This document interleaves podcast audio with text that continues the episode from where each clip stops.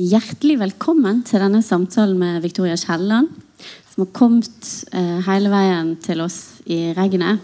Eller hun kom vel strengt tatt òg for å besøke Skrivekunstakademiet.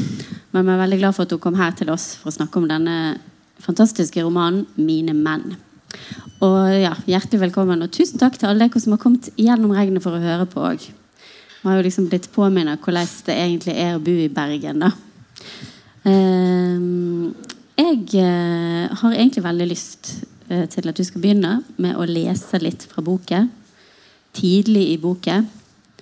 Um, og så tar vi det derfra etterpå. Så vær så god. Rødde gård, 1876.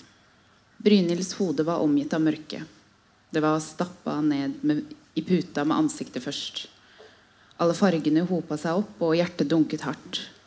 En pul pulserende muskelknute midt i solnedgangen. Bankende rød og glødende varm. Alt hun skulle få erkjenne med ansiktet først. Alt hun skulle få oppleve. Brynhild gled frem og tilbake mellom svetten og drømmen, svevende i mørket mens siklet rant ut av den halvåpne munnen. Senga knakte, og hun strammet alle musklene hun hadde, og løftet hodet opp mot vinduet. Den ørlille bevegelsen. Den krevde alt av henne. Brynhild så stjernehimmelen som prikket der ute.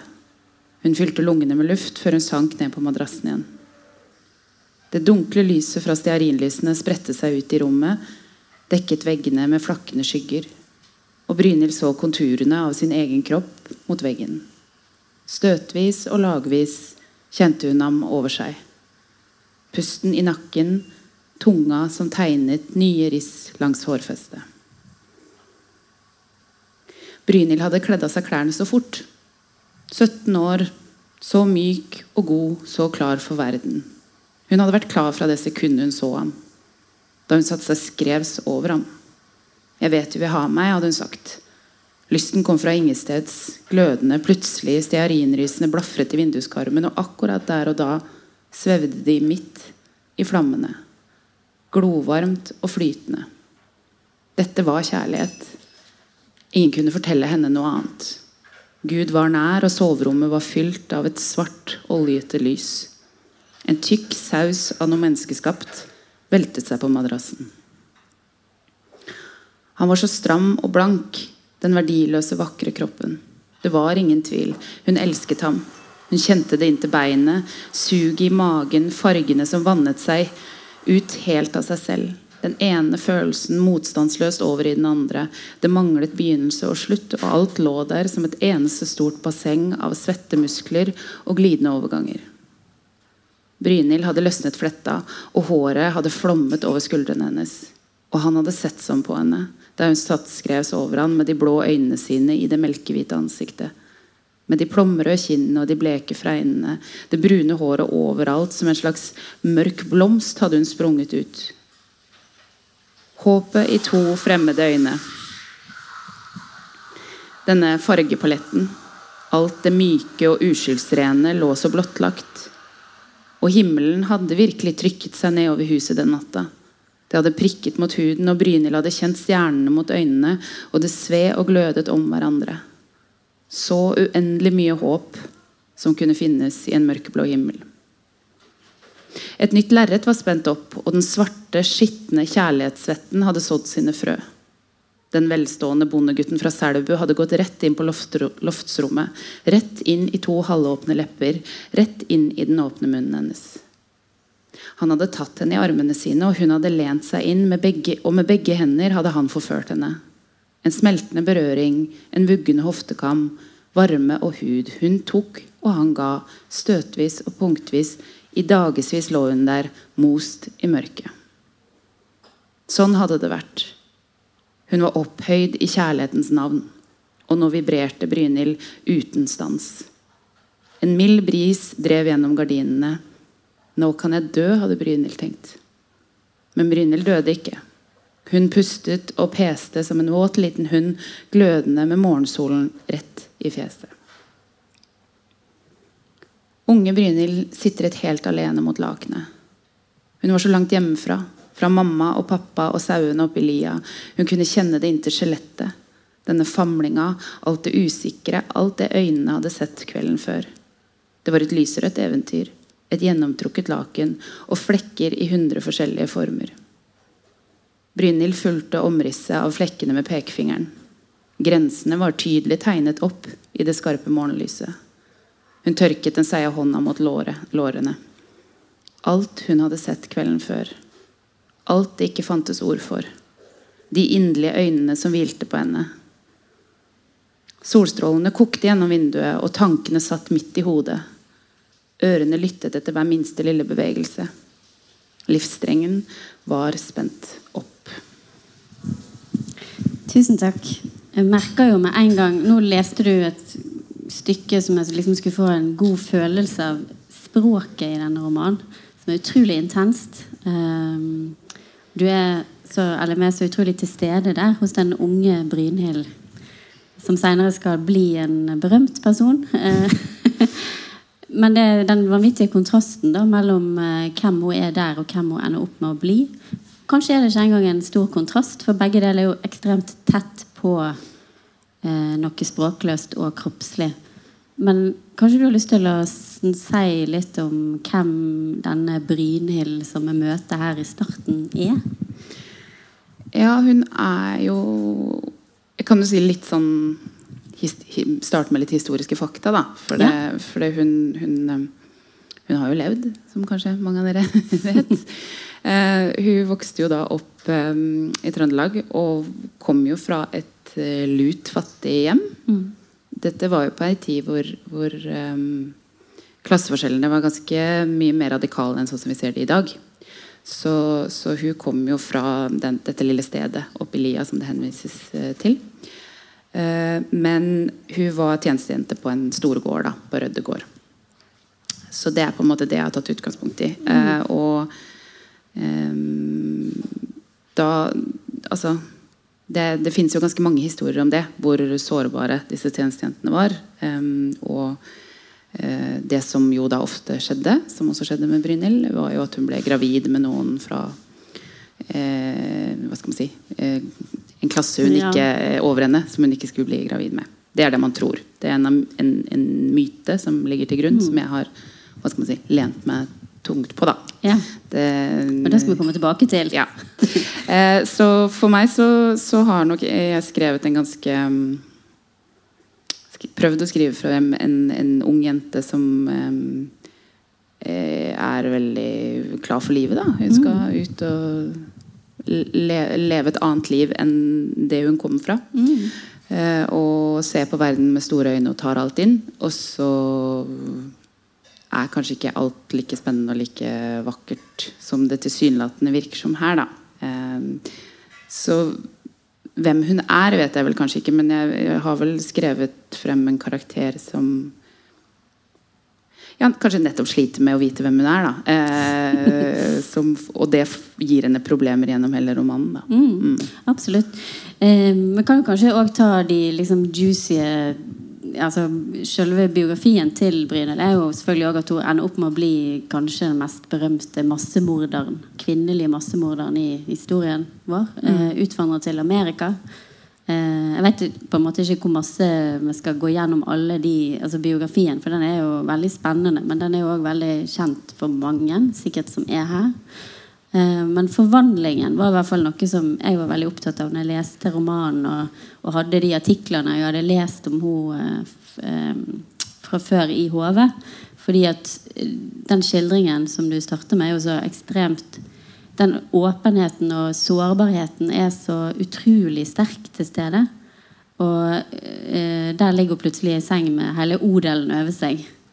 Eh, og allikevel så ender hun opp med å bli på en måte eh, monsteret fra Selbu mm. som myrder sånn kanskje 40 menn. Mm. Så der er jo virkelig eh, offeret gått fra offer til bøddel, da. Eh, som jeg òg syns er veldig interessant det er så mange tråder at det er nesten vanskelig å vite hvor en skal starte. Eh, man kan jo kanskje ta, begynne med, med den odelen eh, og bondestanden, og der du starter sjøl, eh, med et sånt klassesamfunn.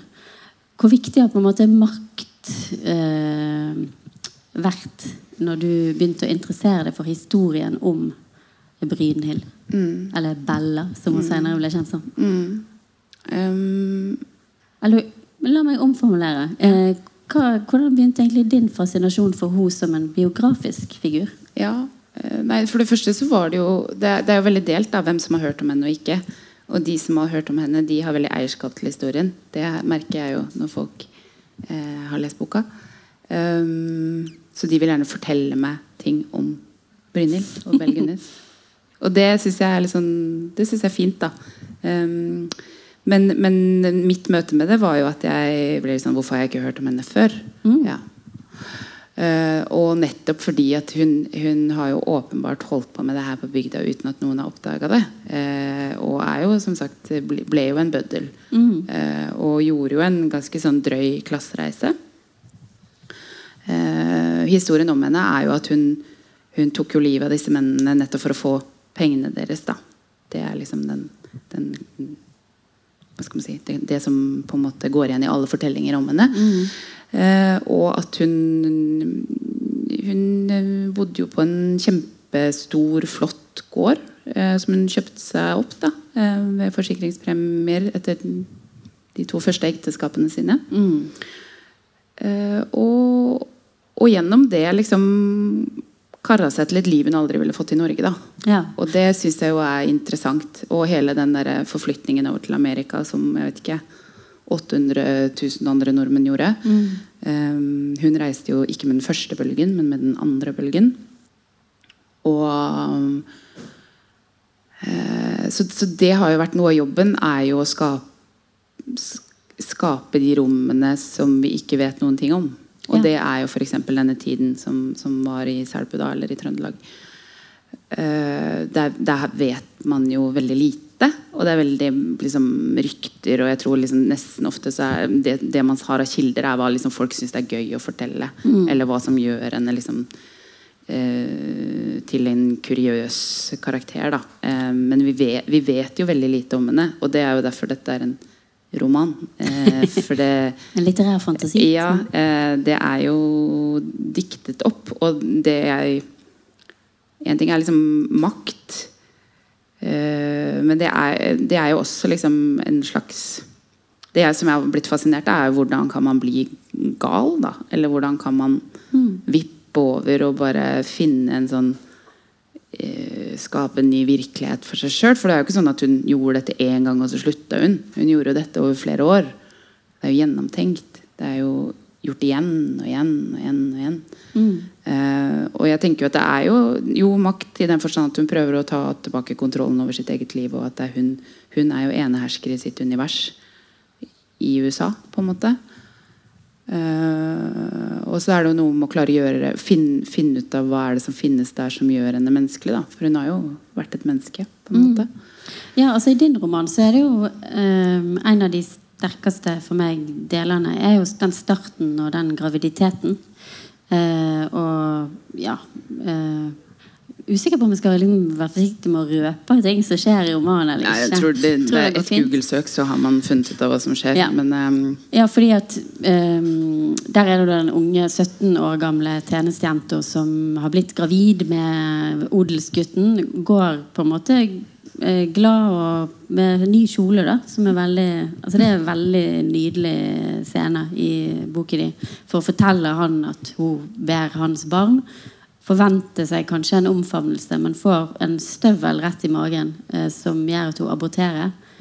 Og for meg så er det en sånn eh, Ja, der lurer jeg jo på om det er grunnlaget for at hun på en måte ender opp med å bli ødelagt.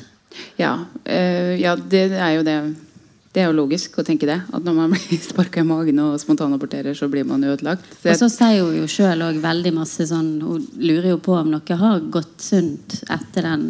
Ja. men jeg tror jo at det å også liksom vokse opp i um, den type fattigdom som da var helt reell, tror jeg også på en måte gjorde noe mm, Bare hvordan man ser på verden. Hvor man snakker fra. Hvor man Hva man på en måte tenker at man har rett på eller ikke rett på. Eller hvem Ja. eh, hvordan du skal på en måte klare å få et bedre liv. Da. Altså Det er et overlevelsesinstinkt på en måte som jeg tror Mm. kanskje, kanskje det var noe der fra før av som var eh, Litt litt, litt, skeivt. Eller, eller det var plassert et sted hvor det ikke klarte å komme til uttrykk på noen annen måte. For det, er- det er jo, folk har jo på en måte opplevd eh, sånne ting før uten at de drepte liksom 40 menn av den grunn.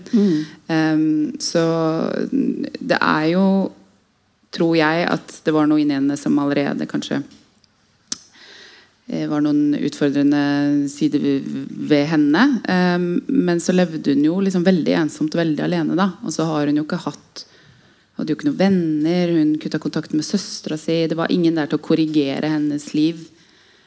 Eh, eller bekrefte hennes liv.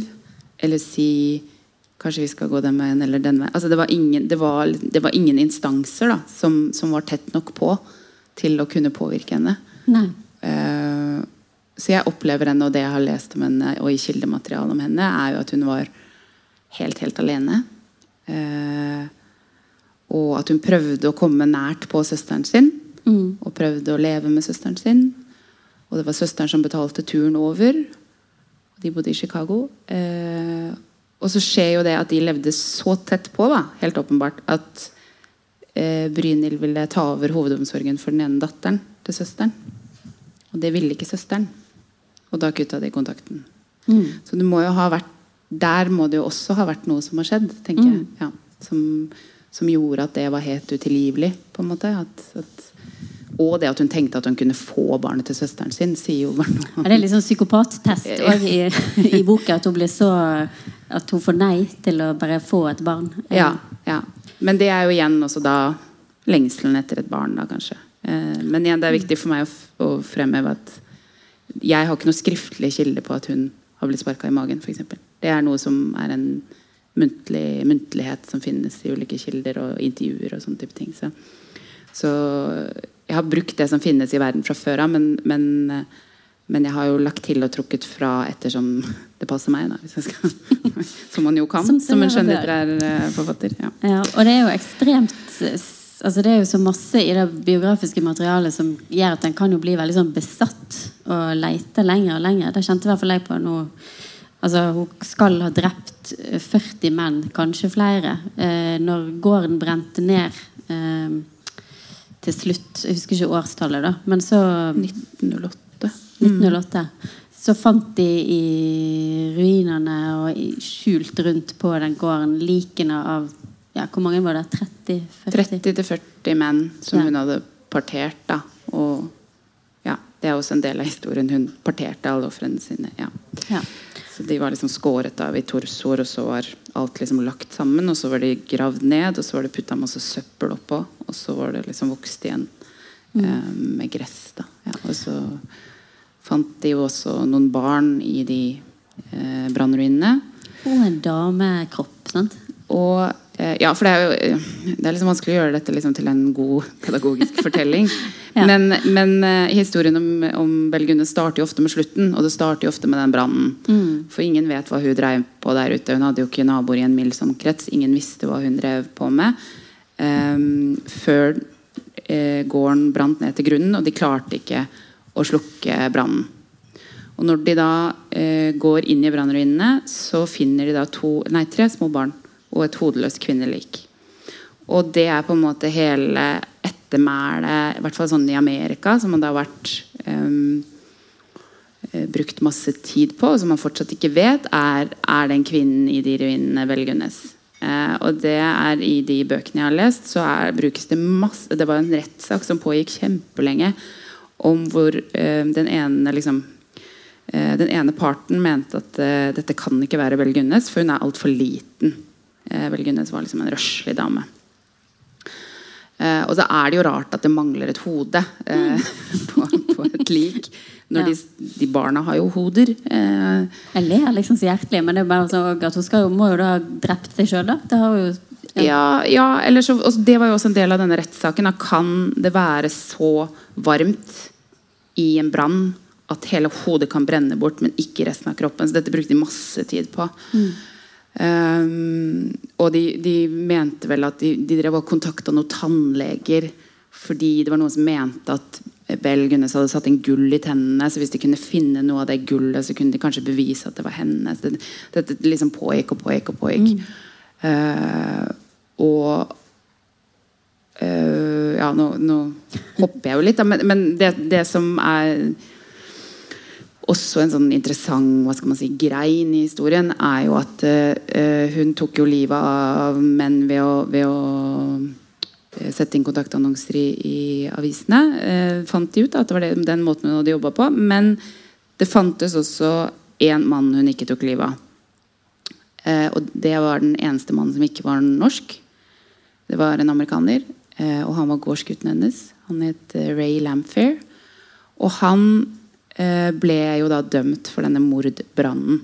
Han ble ikke dømt for um, å ha drept disse mennene, men han ble dømt for å ha tent på. Dømt for å ha tent på.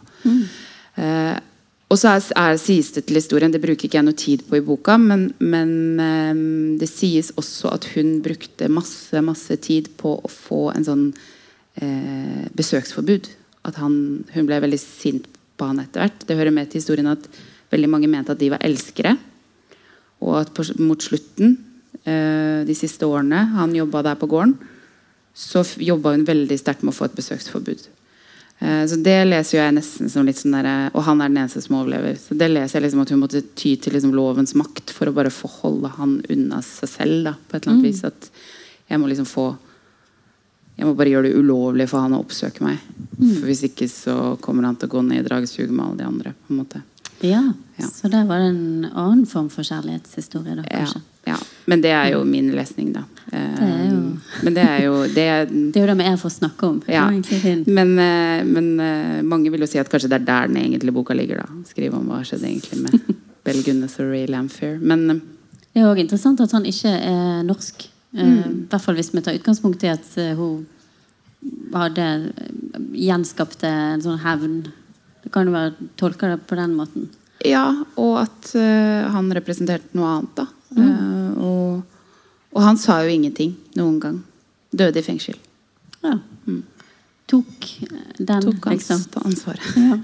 Altså, Vi må jo tilbake til veldig mange ting som har kommet altså, I det du leste, så er det jo f.eks. hele den sexscenen i starten. Det har vært en sånn slags liten debatt om at det er så masse dårlige sexskildringer i norsk samtidslitteratur. Da føler jeg at de kan lese den og tenke sånn Nei, det er ikke kleint. Fordi det er utrolig vakkert og veldig sånn sanse ja, Ikke bare sanselig, men det maler fram hele rytmen. Alt er så eh, ekte og nært. da. Eh, og at der er det på en måte som om formen og innholdet er utrolig sånn ja, i balanse. omtrent. Så det, du føler Den formen for språk gjør jo at alt blir veldig estetisk. som en ja, Det blir en vanvittig estetisk opplevelse å lese. Og når det er sånn ung kjærlighet og seksuell oppvåkning, så er jo det helt nydelig. Mot slutten, som jeg kan komme tilbake til, så kan jo en som leser føle at den estetiseringen av en morder eh, blir skikkelig vond. da det, Men det kan vi snakke mer om seinere. Men det var et forsøk på å spørre deg om hva, ja, hvordan du egentlig har jobba med formen i denne boken. Ja. Jeg tenker jo at ja, For meg så er jo form og innhold helt uløselig knytta. og, no, og noe av det der undersøkelsen med å finne ut av hvordan blir man gal, handler jo om på en måte Ja, det handler om aggresjon og raseri. Og, og for meg så, så eh, jo, ligger jo det i kroppen, på en måte. Og det ligger veldig tett knytta til begjæret, da. Um, og sånn, som en sånn, hva skal man si, generell trope eller forestilling i kulturen, så, er, så hører vi jo altså, Vi hører jo ikke så ofte om kvinner som dreper menn. Vi hører om partnerdrap. Det er det de fleste drap i Norge er jo menn som dreper kvinner.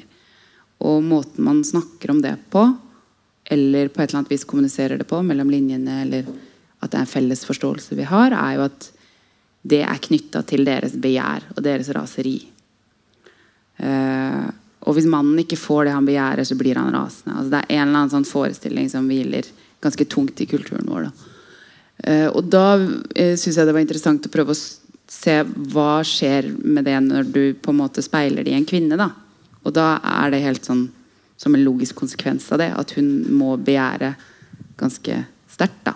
Eh, eh, og at det er det som også er med på å vippe henne over, mm, over stupet. da. Eh, og at, eh, og at det, må, det må jeg klare å gjøre på en overbevisende måte. Sånn at leseren går med på det. Eh, og det må være en gradvis utvikling for at leseren skal eh, gidde å interessere seg for dette liksom, mennesket her, da. Mm. og, og språket er jo i kroppen vår. Og, og ja, eh, så, så det er jo på et eller annet vis jeg tenker eh, en logisk konsekvens av et begjær og en kjærlighetslengsel som bare blir dratt altfor langt. da. Mm. men vi ser den ikke så ofte hos kvinner på den måten. Da, da, da tar det andre former. Men her har det jo tatt en helt vill form, og det er jo derfor man på en måte det blir kuriosa, da, og at folk snakker om henne og, og, og er interessert i henne. og Eh, Men det ble jo sagt på Kritisk kvartett her i Bergen at, eh, at det burde jo ikke handla om henne i det hele tatt. Det burde jo bare vært en vanlig gal kvinne som drepte masse menn. Eh, For alle vet jo at eh, hun var klin gæren, og det er ikke noe interessant og menneskelig ved henne. Og det er jeg uenig i, da. Mm, Forstår jeg godt. men, men det du var inne på i forhold til det å estetisere vold, det er jo egentlig ganske problematisk. Eh, og det er, da risikerer man jo å gå over i noe spekulativt. da. Um, og, og det, det Jeg vet ikke hvordan man skal snakke godt om det, men, men, men det, det, må, det må gjøres på en ordentlig måte, sånn at det ikke bare virker som om jeg skriver noe bare for å skrive noe, men for å si noe om noe relasjonelt eller noe hos oss mennesker. eller liksom ja. ja, og, det, og For meg så, så var det jo også liksom noe med Det har jeg jo sagt i noen intervjuer, da, men at eh, jeg sjøl var jo ekstremt forelska eh, når jeg starta å skrive den boka. eh, så, som gjorde at jeg følte at jeg liksom ble litt gal. da At jeg hadde ikke noe oversikt. liksom Jeg så alt. Det var liksom Jeg var oppi dette mennesket hele tiden her. Um, og var liksom villig til å bare jeg vet ikke. Bare gjøre, gjøre Jeg kunne liksom bare kvitta meg med alle vennene mine på dagen. Liksom, for at ja, han var liksom det mest fantastiske i verden. Og det er jo litt det jeg tenker hun går inn i med alle disse mennene. Da. At, hun, at, at det er liksom, hun er like overbevist om at det skal være den mest fantastiske kjærligheten igjen. Og så går det ikke. Og så begynner hun på nytt. Neste. Han kan vel elske meg sånn som jeg trenger det. Ja. Og så neste. Og så 40 40 til. Ja. Men ja, for der er jo det òg eh, rom for å tolke det som at eh, da at hun faktisk dreper de òg er sånn beskyttelse, tenkte jeg. Mot avvisning, som hun opplever så mange eh, ganger. Eh, da får jo hun overtaket, og det er hun som på en måte eh, Før de rekker å reise videre. Fordi mm. de kommer jo til henne, og så dreper de. Eh, og da risikerer hun ikke den eh, opplevelsen av å bli forlatt. da Nei. men det kan jo òg være rene sånne lystdrap. Det ville jo vært mer i tråd med liksom, legenden om et sånn drapsmonster. Ja. Men, ja, ehm, Men jeg, jeg tenker vel at At hun Sånn som jeg velger å lese Belle Gunnes, da, er jo at hun, hun, hun er et barn da, i det møtet. Hun tror på at liksom, endelig skal hun bli elsket. Endelig kommer det noen som kan forstå henne på akkurat riktig måte. Og så tester hun de, sånn som vi alle gjør med partnerne våre. Tester de for å, for å se om de forstår, eller for å se om de klarer å gjennomskue det lille liksom, at de, kan, de klarer å bevise det på en eller annen måte. Enten det er å liksom ta ut søpla eller støvsuge. Eller, altså man har alle liksom ulike måter på å liksom teste partneren sin. Eh, og hun gjør det. Hun tester disse. Også når de, når de består de testene, da blir de farlige for henne.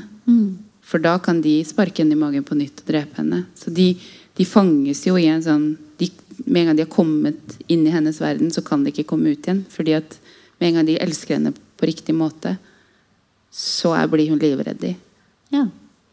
Er min tanke, da. Mm. Ja. Eh, nå tolker jeg romanen for dere. Det beklager jeg. Ja, ja.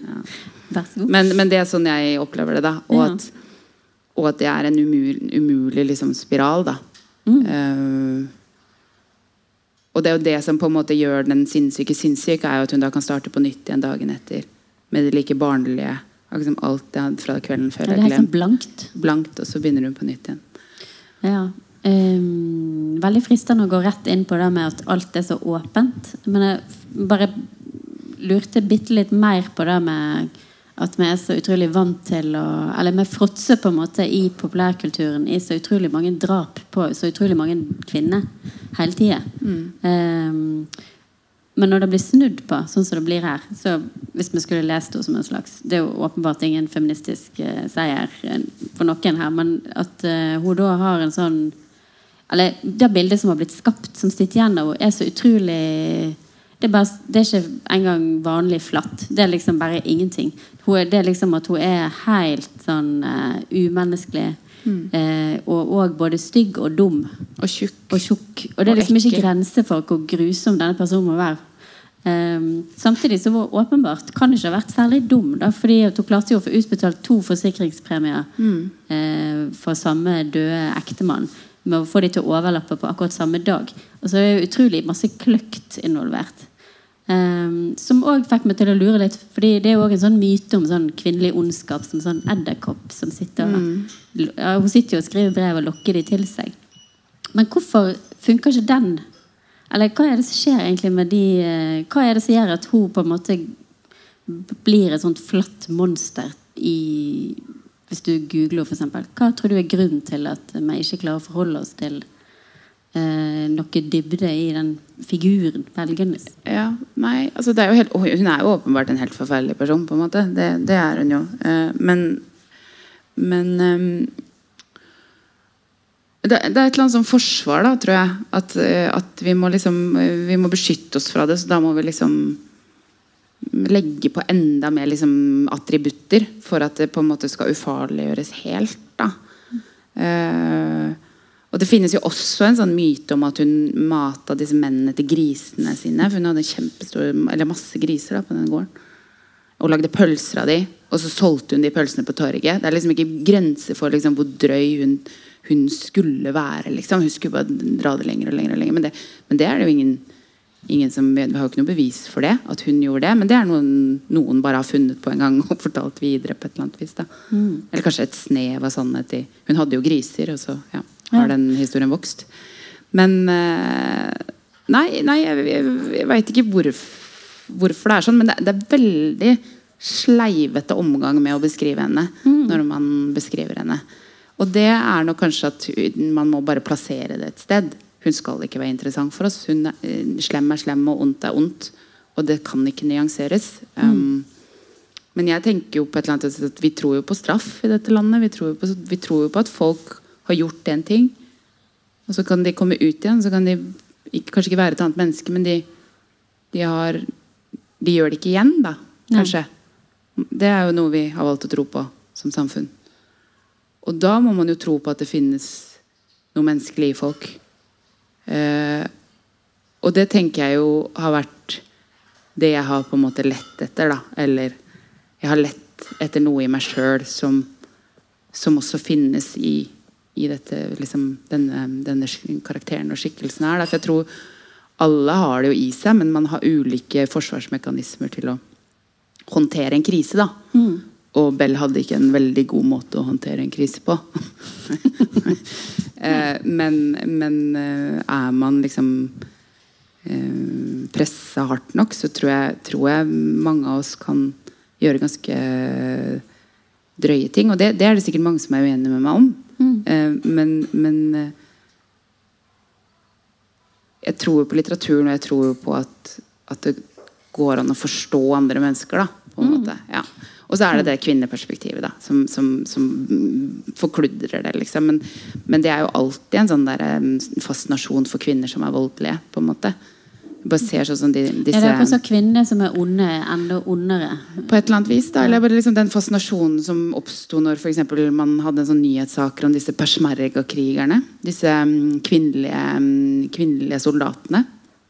Hvor mye liksom eh, hvor mye snakk det var rundt det. At det liksom var helt sånn vilt at kvinner kunne gå i krigen og være liksom sjuke til å skyte og drepe andre mennesker. Liksom. Det var bare sånn Det var liksom umulig å ta inn. da At de ville, for det første ville gjøre det. Eh, og at de gjorde det. Og at de liksom ble tatt bilde av med liksom disse drapsvåpnene. da Og var stolte av det. Um, Ja, det er kanskje så banalt som at det bare bryter med bildet av kvinne, mor, eh, noen å beskytte. Altså, det, Ja, og det tror jeg er liksom et livsfarlig bilde, da. I liksom symbolsk bilde. At den som kan gi liv, kan også ta liv. Og det Da er du jo Gud, på en måte. Mm, Og det og- er jo mye av det hun er i sitt univers. Mm. Absolutt. Det er veldig om Jeg tenkte egentlig å spørre om du ja, Nå har gått masse tid allerede, men det, det med at hun som ung At alt bare går rett inn, at det ikke er et forsvarsverk der, det er òg veldig sterkt i romanen.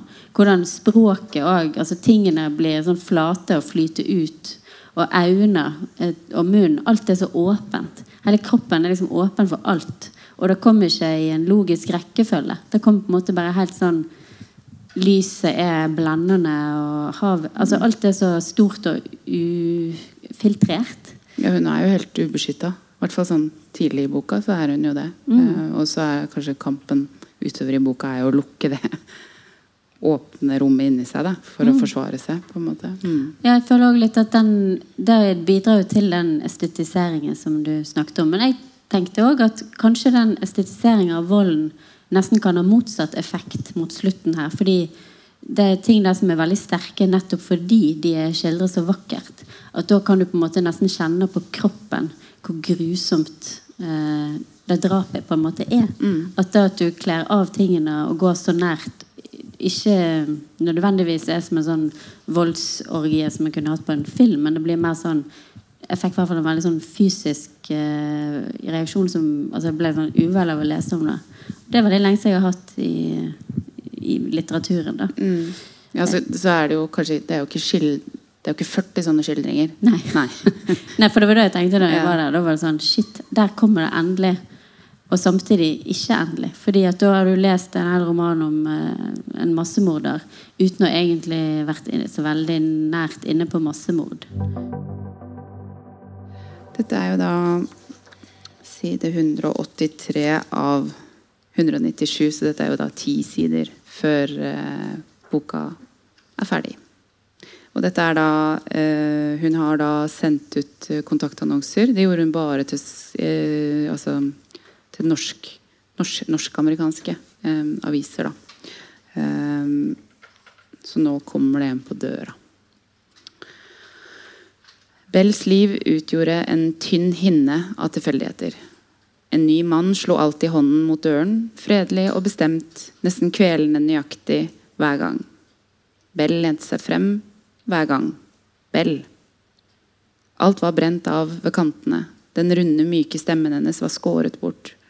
Hun prøvde å svelge, men halsen var helt der ute, fullstendig sårbar. Den strakte seg i hans retning, og hun inviterte ham inn så fort hun kunne før stemmen brast. Kristen, sa han endelig da hånden nådde frem til hennes. Hele kroppen hennes falt litt sammen da han sa navnet sitt. Et lydløst lite knekk. Hva kom til å skje nå? Lettelsen var knivskarp når hun fikk enda et nytt forsøk. En stjerne styrtet over himmelen. Hun fulgte den med blikket, og øynene gnistret som om resten av stjernen styrtet ned i henne. Helt mykt studerte hun ham og lot blikket gli som en fjær over den solbrune huden. Velkommen, Kristen. Vil du henge fra deg der? Bell var like håpefull hver gang. Hun prøvde virkelig på det absolutt ærligste. Men hvordan skulle denne historien fortelles? Ville han tåle det? Hun tok kofferten hans og pekte innover mot stuen, der gardinene var trukket for og møblene lå i mørket. Stuen hadde stekt i solen hele formiddagen og oste innestengt. Han tok et par skritt inn, og fluene stanget mot vindusglasset. Hele sommeren summet der inne. Han nølte noen sekunder før han hentet en flaske fra reiseveska. Det røde blodet fløt rundt i den hvite kroppen, og Bell skalv på hånda mens, han, mens hun helte vin i glassene. Vinen skvulpet og lagde mørke ringer på spisebordet. Bell hørte hvordan fuglene hadde begynt å slippe løs sine plagede rop der oppe i trekronene. Vår kjærlighet er så stor at ingen vil forstå den. Bell rykket til og så på ham. Kristen gjentok ordrett det hun hadde skrevet til ham, og nikket gjenkjennende. Månelyset gjorde hele ansiktet hans blekt. Det var noe med slør over øynene, avstanden mellom beina, så godt planta midt på gulvet, som om det var en bevisst handling. Han ville vite alt. Jeg har aldri møtt noen som deg, fortsatte Kristen Hinklev begeistret og løftet glasset i en skål. Hun prøvde så godt hun kunne, løftet glasset foran munnen og så på ham over kanten med sine store isblå øyne. Det tror jeg du skal være glad for, sa hun lavt, og skålte så begge glassene klirret høyt. Hun tok en stor slurk og svelget. Kristen så på henne. Han la en finger under haka og løftet hodet hennes sånn at hun måtte møte blikket hans. Bell fuktet leppene sine. Det er merkelig, er det ikke? prøvde hun seg forsiktig frem. Jeg har opplevd merkeligere, svarte han og så på Bell, som om han kunne få henne til å gjøre ting hun ikke ville. Bell prøvde å le, men den myke, dvelende latteren satt fast i halsen. Hun svelget resten av glasset i en slurk og tok noen små, lette skritt opp trappa før hun snudde seg og strakte armen ut mot ham. Å smelte sammen med et annet menneske var som å drukne. Det handlet bare om å holde seg flytende lenge nok av gangen. Kristen åpnet opp korsettet hennes da hun var innenfor soveromsdøra. Magen hennes løsnet. Endelig kunne hun trekke pusten. Ja, det er litt til. Ja. Kristen Hinklev tok henne i armene sine oppe på soverommet. Han holdt henne mens han tok noen skritt fra side til side. De danset stille, kinn mot kinn, lydløst og barmbeint mot gulvet. De svevde nesten helt stille der på morgenkvisten. Alkoholen lyste i øynene. Det var så stille i disse minuttene som skilte natt og dag. Hun kjente hjertet hans gjennom klærne, overlevelsespulsen, svimmelheten og suget i magen. Hun var skrekkslagen av det han fremkalte i henne. Han hadde brettet hånden sin rundt hennes og holdt den inn mot hjertet. Han nynnet svakt i øret hennes og var så lett på tå. Det vakreste mennesket i verden. Hun klarte ikke å slutte å elske ham. Solen bredte seg utover resten av verden og klistret seg fast mellom gater og hustak. Og da morgenen kom, sovnet de utmattet på senga, mens dagen gled lydløst forbi utenfor vinduet. Alt virket så langt borte. Hun lovte seg selv at hun skulle gjøre alt for å bevare dette. Holde ham fast og være forsiktig. Ikke skremme, bare kose. Verden der ute virket så uendelig langt borte. Alt var så løsrevet fra et vanlig liv. Hun var klar for å lære kjærlighetens kraft på nytt. Hun kjente vibrasjonen i bakken. Hun hørte den hviske hver morgen. Den rullet som torden gjennom rommet. Og blaffet av to elskere som så stramt og tett inntil hverandre. Hun kjente det inni seg. Det måtte være slik evigheten så ut. Redselen lå som en kald klo i ryggraden til Bell. Hun hadde en sterk fornemmelse av å stå ved et endepunkt, ved en skrent, og hun holdt på å skli utfor. Hun hadde ikke oversikt lenger. Verden trengte henne ikke og minte henne på det så ofte den kunne med sitt rykkevise ødelagte lys. Hun kunne se det på ham. Øyeblikket rett før man dør. I stillheten før dødsrallinga. Da fikk man lov til å se noe helt nytt. Det fantes aldri noe beskyttelse. Verken nå eller senere. Huden hadde revnet, og innsiden lå vrengt ut. Kristen Hinklev lå der på bakken som det lille barnet han var. Helt alene som et åpent sår i verden. Hun tok frem kniven. En slaktekniv. Hvite skyer klumpet seg flolett over henne. En jaktkniv må det ha vært. Den lå mykt og fast i hånden som et speil der hele himmelen ble reflektert i knivbladet. Himmelen så akkurat hva som holdt på å skje. Solen strakte sine lange, strålende armer ned mot bakken, blendet og ødelagt. Hun så ned på Kristen. Det var, var for sent. Hun sto limt i jorda, blodet lukta jern, og det dunstet av kroppen. Himmelen speilte seg i det blodige knivbladet. Det gule lyset la seg som et siste blåmerke over ansiktet hennes. De mørkerøde leppene. Noe åpnet seg der og da, noe helt fremmed. Og alt dette så Kristen for første gang der han lå foran Bell. Hun så det i øynene hans akkurat da som nå, innsiden av et menneske som ble løftet frem og blottlagt i lyset. Som ble tatt imot. Smerten var borte. Det åpne ansiktet, det dryppet nyfødt foran henne. Han hadde lukket øynene og sunket inn i det lysende øyeblikket, og Bell hadde virkelig trodd på ham da han sa at han ville bli hos henne. Leppene hennes bevegde seg helt urørlig. Jeg ga deg bare det jeg trodde du ville ha. Og nå lå han der med svarte lepper og åpne øyne.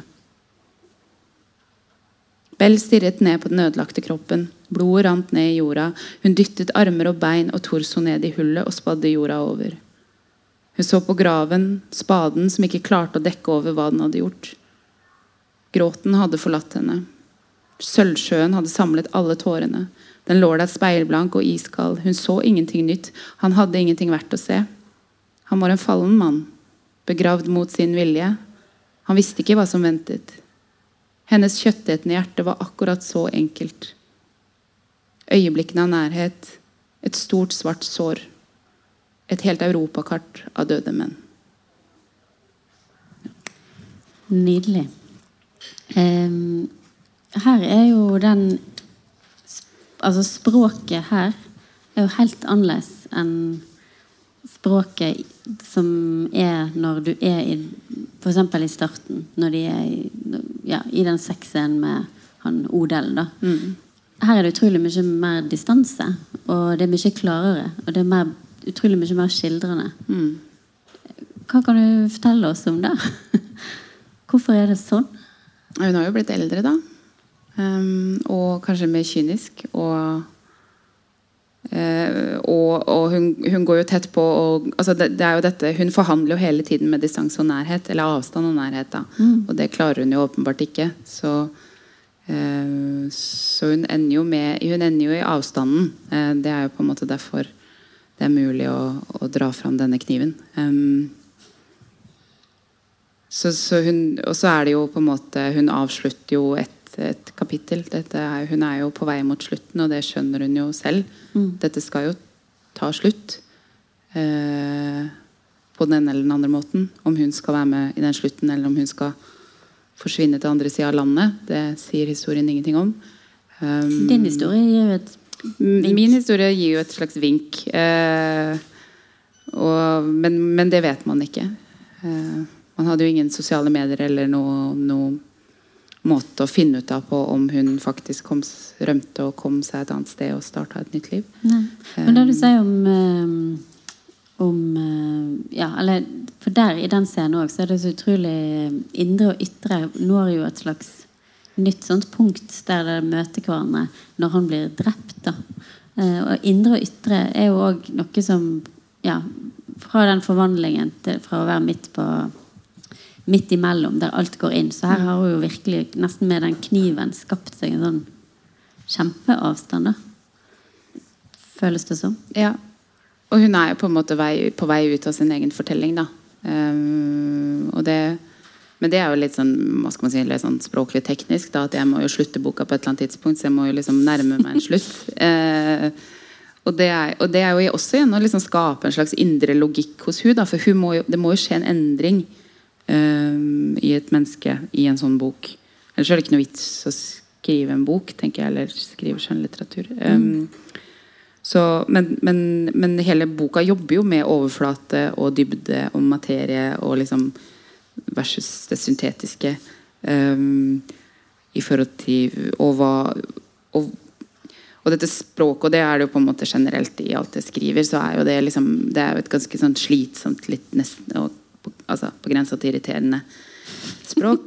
Eh, som, som, som, jo gjør også at man kan man, Det er jo et, på en måte et uh, prosjekt som gjør at man kan miste lesere underveis. Fordi at det blir for intenst. Det blir ingen pause. Det blir liten plass til leseren. Men det er vel kanskje det som skjer også med på slutten. At det er mer plass til leseren til å faktisk se disse tydelige skildringene av noe ekstremt brutalt. da mm. um, så, så, det er jo på en måte det hva skal man si, språkprosjektet mitt er på et eller annet vis også jobber med. da. Eh, ja. Hvordan kan jeg også gjøre det helt konkret vanskelig og ubehagelig for, for leseren å kjenne dette på kroppen? Ja, nei, men det, det, ofte, det er jo en del av min tilnærming til skriving. Hvordan ja. kan noe som er så flatt på dette papiret, føles så motstandsfylt i kroppen når man leser det? Mm. Um, ja. Og det funker kanskje bedre når du har en masse, skal skrive deg inn i en massemorder enn i andre ting jeg har skrevet. Ja. Ja, for det er jo noe, Det vil jeg gjerne få med. Nå nærmer vi oss slutten, da. Men det er jo hvis, ja, Det er sikkert andre her som har lest 'Dammyr'. Og, og tenkt, ja. Når jeg leste denne boken, 'Mine menn', så tenkte jeg jo veldig masse på Aurora fra den forrige romanen din. Um, og hun har jo nesten som et sånt mantra. Driv ikke kjærligheten for langt, tror jeg det er å si. Eh, og så kommer denne boken der det er en person som åpenbart driver kjærligheten ikke bare litt langt, men veldig langt. Mm. Eh, og da fikk vi jo Ja, da vil jeg gjerne spørre deg om eh, hva slags kjærlighetsbegrep er det egentlig du jobber med her? Eh, Nei, det står vel også et sted i denne boka at den som Det er fra Bell sitt perspektiv, da, men den som elsker med hele seg, vil aldri overleve kjærligheten. Um, og det tror jeg hun tror på. At hvis de skal elske henne, så må de også dø med henne. Uh, og det er den totale overskridelsen. Da. Og det, ja, nå har vi ikke så mye tid igjen, men hun har jo også det guds, gudsbegrep. Da. Hun er veldig troende. Og det, hun på en måte glir jo inn og ut av disse fantasiene om Gud da. Og, og frelseren. Og så glir hun jo inn og ut av fantasien om seg selv som på en måte frelseren. Da. Og den totale overskridelsen av kjærlighet er jo på et eller annet vis det hinsidige. da. Um, og, og det er det som på en måte er troen i det som også på et eller annet vis gjør at hun fortsetter. Da. At det er liksom et helt sånn forkrøpla gudsbegrep, da, eller Guds kjærlighet i det. Um, Ja. Vi venter alle på Guds rensende ild, er jo også noe hun blir veldig opptatt av. Det er Sånn, òg ja. en fantastisk scene i boken der, der det, hun får beskjed om at det ikke står i Skriften. Ja. Og kan på en måte ikke forstå. Altså, da får du òg et sånt plutselig utenifra-vinkel. Etter å ha vært veldig inne i det veldig suggerende universet. Der du er på en måte du, En kjøper jo fortellingen hennes om verden. Og så plutselig kommer det sånne eh, hint utifra om at nei, det, det er ikke fra Bibelen. Det er bare noe hun har dikta opp. på en Ja, måte. ja. Eh, Så hun, øh, hun er jo ikke en troverdig forteller, på en måte. Eller en, ja. Eh, Men hun blir jo, blir jo, blir jo trodd, da. Disse, menn, disse mennene kommer jo. De Mm. lengter jo etter kjærlighet, de òg. ja, De, kom- de kom hver gang. Det er jo helt fantastisk og forferdelig tragisk. Men den måten Det er jo òg et veldig sånn teatralsk element med boken. Hun som sitter og skriver brev. Håpefull. Og glad og opprømt. Eh, nesten litt sånn ungjenteaktig igjen. Og alle de mennene som da tydeligvis sitter ute, er helt klare for å Ja, da, ja. Og de, de kan man jo søke opp i Nasjonalbibliotekets digitale arkiv og finne disse kontaktannonsene. De, fin, de finnes, de. De kan man se. Ikke nødvendigvis Bell sine, men en del av de som Altså de som holdt på i samme tid, da. Um, og det er jo også det, det Alle, alle lengta jo etter kjærlighet, på en måte. Alle ville jo ha noen. Det var liksom Og de ville ha Eh, Det blir jo et annet kapittel igjen, da. Men eh, folk, de, eh, nordmenn i Amerika var veldig opptatt av andre nordmenn i Amerika. De ville ikke omgås andre. Så det også var en veldig sånn eh, Den tida eh, i disse norske koloniene Det at man søkte noe som var likesinnet en selv, det, det var helt vanlig og naturlig. Og, eh, men, de, men de var jo også sånn Eh, De nekta jo å lære seg amerikansk. Skulle ikke gå på noen amerikanske skoler. De skulle ikke omgås amerikanere. De skulle ehm, eh, ha alle gudstjenestene sine på norsk. Det syns jeg er interessant i researchen rundt dette. da eh, Hvordan man forholder seg til det mm. i dagens samfunn her i Norge. Absolutt. andre, for eksempel, da. Det kan bli en oppfølger. Ja. Men ja, så kanskje siste sånn bevingede ord blir at alle lengter etter kjærlighet. Da, rett og slett. ja, så må man bare prøve å liksom ikke ta livet av noen på veien. på en måte ja.